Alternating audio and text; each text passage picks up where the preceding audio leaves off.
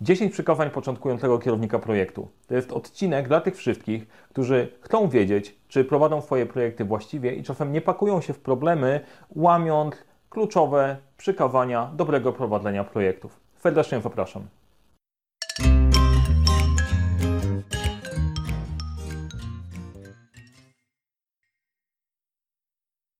Cześć, nazywam się Mariusz Kapufta i dzisiaj na przykładzie Yamato, Sensei i Keshu pokażę Ci 10 przykazań, które bazując na praktyce pomogą Ci poprowadzić Twój projekt od początku do końca.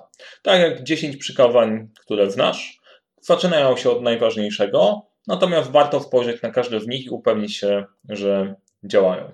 E, pamiętaj, żeby zasubskrybować kanał. Jeżeli Ci się podoba, chcesz dostawać więcej tego typu informacji, kliknij dzwoneczek, żeby nie przegapić kolejnych fajnych artykułów. E, jeżeli coś Ci się spodobało, komentarz, a pamiętaj, jest taka łapka na dole, można zalajkować, jeżeli się podoba, wtedy wiem, że się podoba i tworzę więcej. Ok, przechodzimy do 10 pytań. Do 10 pytań, do 10 przykazań. Przykazanie pierwsze. Nie będziesz miał ról innych przede mną. Bardzo często jest tak, że bycie kierownikiem projektu nie jest tylko i wyłącznie jedną rolą, którą pełnisz na co dzień. Często to jest jednoosobowa armia. Jesteś specjalistą, team leaderem, menadżerem, już nie wspominając o rolach prywatnych i pozostałych. I bardzo często jest tak, że w momencie, w którym zaczynają się robić problemy, ilość fuck-upów jest niesamowita, wtedy przychodzi do głowy taki pomysł, kurde, jakoś się muszę z tym wyrobić, zakasam rękawy i sam wyrobię część pracy, którą powinni wykonywać inni. I to jest początek marszu ku klęskę. Dlaczego? Bo przestajesz pełnić rolę kierownika projektu i próbujesz zasypać lukę zasobową i zły plan swoim czasem. E, czyli wycinasz kierownika projektu, który powinien rozwiązywać problemy i patrzeć systemowo i zamieniasz tą rolę na e, specjalistę, który jest w stanie dużo mniej pomóc. Oczywiście są momenty, w których to jest uzasadnione i czasem faktycznie trzeba samemu po, popychać tematy do przodu. Natomiast najważniejsze, jeżeli masz problem, jeżeli nie wyrabiasz, wszystko jest przeładowane, wtedy rola kierownika projektu i spojrzenie na to szerzej jest kluczowa i najważniejsza. Przykazanie numer dwa. Nie będziesz organizował spotkań nadaremno. Czas jest niesamowitym zasobem, który marnujemy każdego dnia, organizując słabe spotkania. E, żebyśmy się dobrze zrozumieli, spotkania nie są złe, spotkania są ok. To jest bardzo skuteczna forma współpracy ludzi. Dlaczego jest skuteczna? Bo widzisz ludzi, widzisz jak reagują, widzisz jak mówią, jesteś w stanie w bardziej bogaty sposób przekazywać sobie informacje i łatwiej rozwiązywać problemy. Tak jesteśmy skonstruowani. Natomiast to, co jest masakryczne, to jest często sposób organizowania spotkań. Każdemu się wydaje, że spotkania to coś normalnego, nie trzeba się tego uczyć. Nieprawda. Tak jak każdą każdą rzecz, którą się robi, trzeba mieć do tego jakieś umiejętności. Ponieważ przykłady wokół są totalnie beznadziejne, e, to większość z nas kopiuje te przykłady, bo widzi słaby sposób prowadzenia. Nie organizuj spotkań nadaremno, jeżeli je robisz. Niech mają cel, niech mają konkretną agendę i nagradzaj za to, żeby ludzie się streszczali, a nie wypełniali całą godzinę na maksa. E, nie organizuj spotkań nadaremno. Pamiętaj, aby rap dzień raportowania święcić. E, wielu ludzi nie lubi raportowania. Ja też bardzo nie lubię pisać raportów, tworzyć raportów, nie lubię biurokracji. Nie, nie, nie lubię tego. Ale jest bardzo ważna rzecz, tak jak na tym obrazku. Może się okazać, że tak się zapędzisz, że rąbiecie niewłaściwą dżunglę. Jesteście w złym miejscu. E, raportowanie służy kilku celom. Temu, żebyś e, mógł spojrzeć na spokojnie, ok, to gdzie jesteśmy, co faktycznie zrobiliśmy, jak wygląda sytuacja, w którą stronę powinniśmy ruszyć. Ogromną ciekawostką jest to, że najlepsi menadżerowie nie podejmują procentowo dużo więcej dobrych decyzji niż ci gorsi. Oni podejmują je częściej. Czyli jak idziesz w złym kierunku, to podejmując decyzję częściej, jesteś w stanie łatwiej ją skorygować. Inaczej zapędzisz się gdzieś daleko. E, raportowanie, ważna sprawa, jak zrobisz sobie jeden raport, to pozostałe idą ok. Ja wiem, że trudno jest zaraportować, jeżeli coś jest nie tak, ale w projekcie często jest nie tak, więc warto się do tego przyzwyczaić. Raporty po pierwsze utrzymają tempo, po drugie pozwolą Ci skorygować kurs, a po trzecie w najgorszym przypadku będziesz mieć dupokrytkę, e, bo informowałeś, że wszystko było tak jak było. Szanuj sponsora swego i dyrektora finansowego kierownik projektu, jak to powiedzieć delikatnie, bez sponsora i bez kasy jest nikim. Prawda jest taka, że rola kierownika projektu jest generalnie słabo umocowana w organizacji, bo nie masz swoich ludzi, nie masz swoich zasobów, generalnie nic nie masz i jesteś nisko w hierarchii. Czyli generalnie przerąbane, bo odpowiedzialność masz ogromną. Dlatego praca ze sponsorem i praca z dyrektorem finansowym jest clue. Potrzebujesz budżetu i potrzebujesz kogoś, kto jest na tyle wysoko, że jest w stanie ci pomóc poprowadzić projekt dalej. Sponsor to najważniejsza osoba dla ciebie. Nie zmieniaj zakresu bez potrzeby. Bardzo dużo ludzi, jak zaczyna robić projekt, chce, żeby był najlepszy, najwspanialszy, najdoskonalszy. Dlatego e, robi pewien błąd. Utożsamiamy sobie, że dobry projekt to jest, jak będzie w nim dużo zrobione. Nie.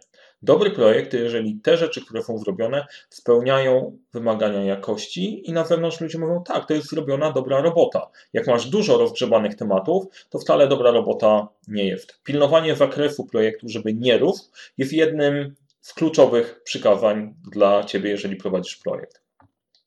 Nie rób roboty innych zasobami swoimi. To włącza się trochę kwestia egoizmu, ale zaplanowałeś projekt w taki, a nie inny sposób. Zasoby są ograniczone, więc sporo osób będzie chciało te zasoby albo kapitał ludzki, jakkolwiek by nie nazywać, jaki jest trend, e, podebrać.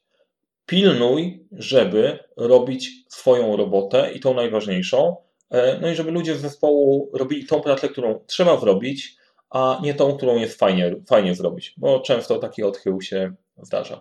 Przykazanie numer 7. Nie kradnij pomysłów zespołu swojego.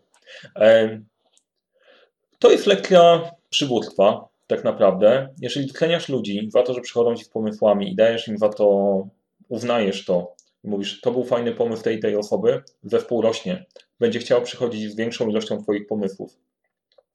Najczęściej taka strategia, a ktoś zgłosił pomysł, zgłoszę to jako swój, ma krótkie nogi, bo jeżeli nie jesteś w stanie wygenerować pomysłów samodzielnie, to zespół w pewnym momencie też przestanie ci pomagać. E, ja wyznaję zasadę, jeżeli pozwolisz urosnąć swoim ludziom, oni podniosą cię wyżej. Fajne pomysły, warto dotlenić, nie przedstawiaj ich jako swoich, bo to do ciebie wróci i zdemotywuje zespół totalnie. Nie mów fałszywego świadectwa przeciwko sponsorowi swojemu. Najgorsza rzecz, którą możesz zrobić, to okłamać sponsora. Od tego, jak bardzo sponsor Cię popiera, jak bardzo Ci wspiera i pomaga, zależy sukces Twojego projektu. Pamiętaj, parę zdań wcześniej mówiłem, że kierownik projektu nic nie znaczy. I to jest prawda. Sponsor ma władzę. Sponsorowi trzeba mówić, jak naprawdę jest. Jeżeli zrobisz tak jak Keszu na tym obrazku, mamy przejściowe trudności, a na obrazku widać tak jak jest, no to generalnie to wyjdzie i wtedy będziesz mieć problem. To, czego sponsorzy i ludzie wyżej w organizacji nienawidzą, e, to przychodzenia z wybuchową niespodzianką. Oni zdają sobie sprawę, że w projekcie możesz mieć problemy, możesz mieć wyzwania. E, jeżeli przychodzisz i mówisz, że mam problem i proponuję zrobić coś takiego, to jest ok, oni są na to gotowi. To, co ich totalnie rozwala, to przychodzenie z bombą tykającą, rzucanie na stół i uciekanie. Czyli do ostatniej chwili kiszysz jakiś problem, później nie możesz go rozwiązać, przychodzisz, rozkładasz ręce, nic nie mogłem zrobić. Nie róbcie tak? A broń Boże, nie, nie, nie okłamujcie sponsora. Dziewiąte, nie pożądaj do projektu tego, czego mieć nie możesz. E, rzecz, której ja się nauczyłem w trakcie mojego prowadzenia firmy, e, prowadzenia moich projektów, mamy jako ludzie, a chyba nie wiem, szczególnie w naszej szerokości geograficznej, skupianie się na tym, tego, czego nie mamy. Nie mam kasy, nie mam, nie, nie mam czasu, ludzi nie mam, miliony rzeczy, rzeczy nie mam. I to powoduje, że szukamy, czego nie mamy i w tym jesteśmy kreatywni, a nie zastanawiamy się, dobra, co mam, co mogę zrobić. Rób to, co możesz, z tym, co masz, tam, gdzie jesteś. E, jak zaczynasz szukać zasobów wokół siebie, to jesteś w stanie je znaleźć i faktycznie wykorzystać. Jeżeli nauczysz siebie myśleć o tym, czego nie masz, no to faktycznie zawsze czegoś nie będziesz mieć. Nie będziesz mieć doktoratu w zarządzania projektami, nie będziesz mieć certyfikatu, nie będziesz mieć najlepszych ludzi i tak dalej. Życia ci nie starczy, żeby mieć wszystko. To jest po prostu niemożliwe. Sprawdź, co masz, na podstawie tego zaproponuj, co konkretnie możesz dostarczyć i skup się na tym, żeby to dowieść. Ostatnie przykazanie: nie pchaj do projektu więcej niż udźwigniesz. To jest podobnie jak z zakresem, pilnowanie, żeby nie rósł, ale tutaj patrzymy w tej perspektywy Nie wymyślaj sobie dodatkowo roboty. Projekty są trudne z definicji tak. Każda z rzeczy, którą mamy zrobić, wystaje tak jak góra lodowa nad wodę, a pod wodą jest jeszcze ukryty, ukryte dużo, dużo problemów. E, jeżeli e, dobrze ci idzie i myślisz, ok, będzie fajnie, to wrzućmy jeszcze więcej, e, w pewnym momencie to się skończy słabo. To jest syndrom ludzi, którzy biegają dłuższe dystanse, jak biegałeś kiedyś, biegałaś kiedyś, to wiesz, jak to wygląda. Jak w pewnym momencie, chociaż może to bardziej facetów dotyczy, w pewnym momencie idzie dobrze, 20 km czy 20, ale jak ja się świetnie czuję, to mogę jeszcze pocisnąć. I później się okazuje, że 30 ściana, bach, skończył się, jest po maratonie, bo przetleniłeś swoje siły. Ja miałem taką sytuację, jak startowałem w triatlonie, Świetny start. Super się pływało, rewela. Jadę na rowerze, śpiewam, fajnie. Po 20 kilometrze w połowie dystansu na rowerze urwał się pedał. No i teraz po prostu opcja, co robimy. E, no na szczęście udało się skończyć, skończyć przed, e, przed deadline'em, e, przed limitem, limitem czasu. Natomiast w projekcie takie rzeczy się pojawiają. Miej bufor na tego typu sytuacje i naprawdę nie utrudniaj sobie pracy. Mam nadzieję, że te 10 pytań, 10 pytań, 10 przykazań Ci się podobało i jesteś w stanie wykorzystać w swoim projekcie. E, wykorzystuj, stosuj się do nich, a projekty będą szły łatwo. No tyle. I pamiętaj, cokolwiek robisz, zawsze zacznij od 12 pytań. Powodzenia w projektach. 10 przykazań kierownika projektu.